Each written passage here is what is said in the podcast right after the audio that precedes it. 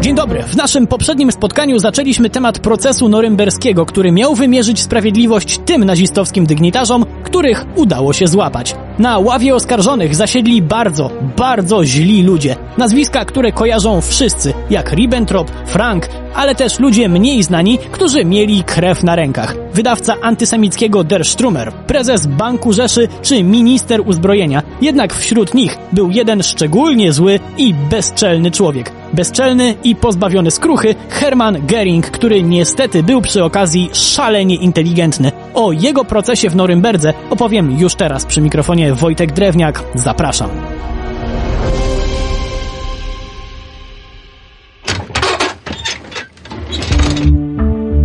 Gering był najwyżej postawionym z oskarżonych, którym sędziowie z ZSRR Wielkiej Brytanii i USA zarzucali, i tutaj cytuję, udział w spisku i przygotowaniach planu przeciwko pokojowi, zbrodni przeciwko pokojowi, zbrodni wojennych i zbrodni przeciwko ludzkości. Najstraszniejsze w postawie Hermana było to, że na samym początku, po przedstawieniu zarzutów, jego linia obrony brzmiała w pewnym skrócie tak, i jestem z tego bardzo dumny.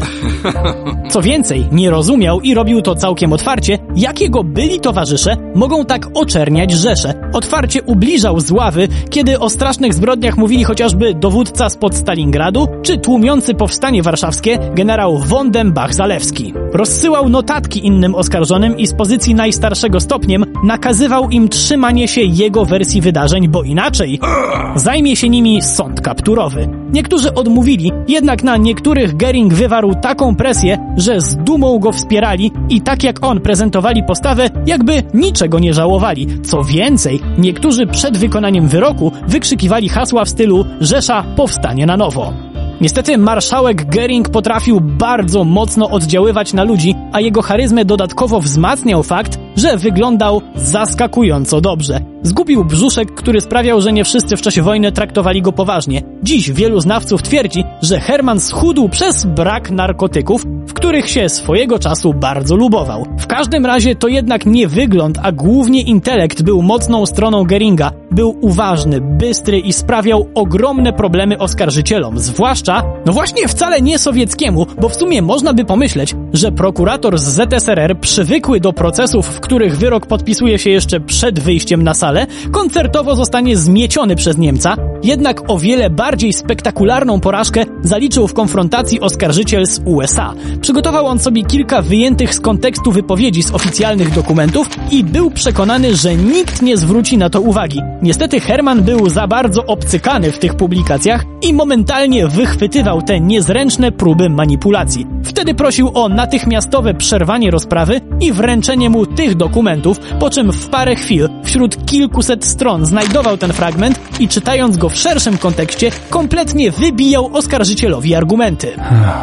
To był jednak dopiero początek, bo Hermann Göring nie tylko teoretycznie był teraz najważniejszym żywym nazistą. Robił wszystko, żeby nikt nie miał co do tego wątpliwości. Kreował się na lidera upokorzonych Niemiec i był równie arogancki, co jego martwy już Führer.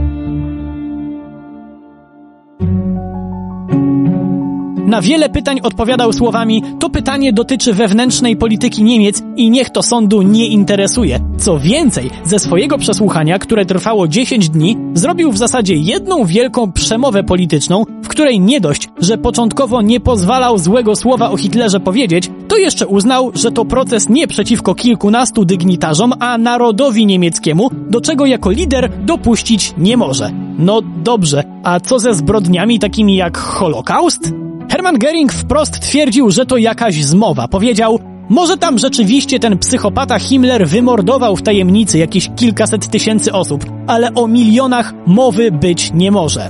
A później pokazano film z obozów koncentracyjnych, po czym na świadka wezwano komendanta obozu w Oświęcimiu, który opowiadał rzeczy mrożące krew w żyłach, na co Gering stwierdził, że to wszystko kłamstwa. To był jednak początek przełomu, bo o ile zawziętego Geringa ciężko było złamać, to będąc świadkiem kolejnych i kolejnych przesłuchań jego podwładnych, coraz bardziej się załamywał.